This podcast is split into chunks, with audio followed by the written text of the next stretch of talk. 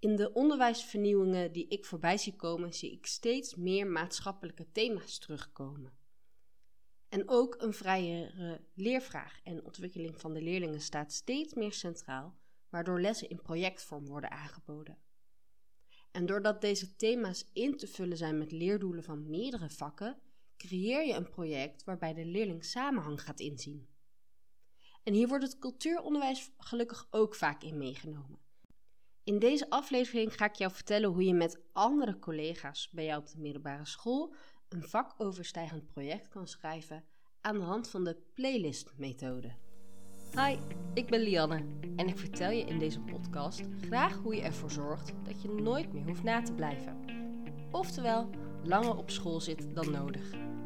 Ik behandel verschillende thema's met je vanuit mijn eigen ervaring als docent. Leuk dat je luistert. Laten we beginnen.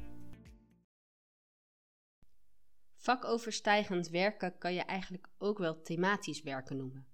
En ik zeg echt niet dat je door een vakoverstijgend project te maken dat je hele onderwijssysteem moet veranderen. Je zou met een project je gewone lesrooster kunnen aanhouden, maar je zou er ook een werkweek van kunnen maken waarbij je een aantal vakken met elkaar combineert tot een mooi project. Je voegt als vakdocent namelijk je leerdoelen toe zonder je je laat beïnvloeden door het vakje in je rooster.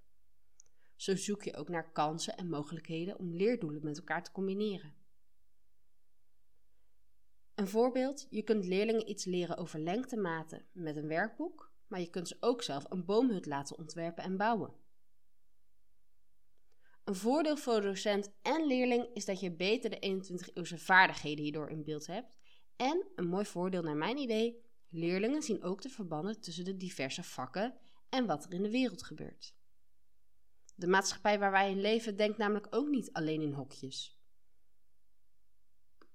Maar om optimaal aan te kunnen sluiten bij wat er leeft bij de leerling, bij jezelf en in de maatschappij, moet je ook durven je lesmethode een keertje los te laten. En als docent is vakoverstijgend leren niet uit een boekje te leren, maar moet je het echt in gesprek gaan met andere vakdocenten om te kijken waar je met elkaar een project kan draaien. En daarbij mag je echt wel het vertrouwen in jezelf hebben dat je weet wat de leerling moet weten aan het einde van het jaar. Maar hoe werkt dat nou, zo'n playlist-methode? Nou, wanneer jij je een project ontwikkelt op de playlist manier, laat je leerlingen vrij kiezen uit een lijst van opdrachten. En leerlingen kunnen de opdrachten op volgorde maken, maar ze kunnen ook een willekeurige volgorde aannemen.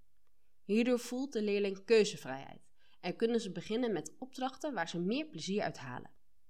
Als vakdocent kiezen jullie zelf of alle opdrachten of een deel verplicht is om te maken. Houd hierbij natuurlijk uh, rekening met je leerdoelen en hou ze ook goed in de gaten. Een voordeel van de playlist manier is dat de leerling tijdens een reguliere lesweek ook aan dit project kan werken. Ze kunnen in hun rooster zien welke vakdocent er op dat moment kan helpen. En een project op de playlist manier heeft altijd een open einde. Dat is wel een belangrijk uh, gegeven. En dat wil zeggen dat de leerlingen zelf bepaalt wat hij of zij leert en of maakt. Hierdoor zijn de uitkomsten divers, maar is het wel duidelijk om welk thema het gaat. Door deze diversiteit kan je aan het einde van het project veel diverse uitkomsten verwachten. En dat is iets wat het kunsthart in mij natuurlijk echt, ja, daar gaat het harder voor kloppen. Om te eindigen kan je daarom verschillende technieken inzetten, van expositie tot een persoonlijke website waar alles samenkomt. Ik denk dat het misschien lastig is om je helemaal geen, als je geen idee hebt waar ik het nou precies over heb. En daarom wil ik je graag een voorbeeld uh, vertellen over hoe je bijvoorbeeld het kunstvak en wiskunde zou kunnen combineren. Nou, leerdoelen kunnen bijvoorbeeld zijn aandacht voor symmetrie en asymmetrie in wiskunde en kunst. En dat de kunstenaar Escher met zijn grafische tekeningen daar invloed van heeft. Leerlingen kunnen driehoekjes snijden en knippen uit verschillende materialen. En dat vraagt natuurlijk om rekenwerk en precisie. Architectuur kan je hier heel goed aan koppelen, want ook dat hoort een stukje bij wiskunde, maar ook zeker de kunst. En je zou het kunnen afsluiten met een tentoonstelling. Maar dat is even heel globaal wat je ermee zou kunnen doen. Je zou bijvoorbeeld ook een monument uit de stad kunnen kiezen. En omdat ik dicht bij Tilburg woon, stel uh, de Sint-Jankerk, daar kan je cultuur, geschiedenis, religie en architectuur aan koppelen. Je kan digitaal lesmateriaal ontwikkelen op zes termijn, uh, terreinen. Ja. Zoals Nederlands, schrijf een Twittergedicht voor een engel. Geschiedenis, maak een tijdlijn van de historie van het gebouw. Uh, bij religie, onderzoek over het geloof. Nou, economie, uh, vraagt de bedrijven om de kerk heen hoe ze inspelen op zo'n druk bezochte plek. En hoe kan je, als je de kerk als een creatieve, uh, creatieve, creatief terrein pardon, kan omzetten, hoe kan je dit dan goed omzetten als ontmoetingsplek? Er worden al kerken omgebouwd tot hele trampolineparken. En eigenlijk is het heel makkelijk om een link met je eigen vak te leggen, als je eenmaal aan het denken wordt gezet. Mijn tip is: start gewoon eens een keer met het gesprek met je collega's rondom een thema. Wat kunnen zij daarbij bedenken vanuit hun vakkennis?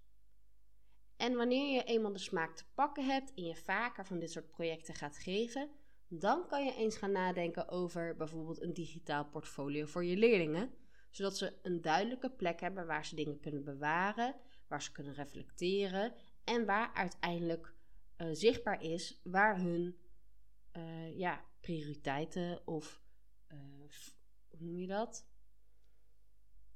Voorkeuren naar gaan. Wil ik afsluiten met vertellen waarom een project op playlistbasis zo'n succes is. Dat is namelijk heel simpel. De leerling heeft keuzevrijheid. En uit bijna alle onderwijsonderzoeken blijkt dat leerlingen graag zelf willen kiezen wat ze doen.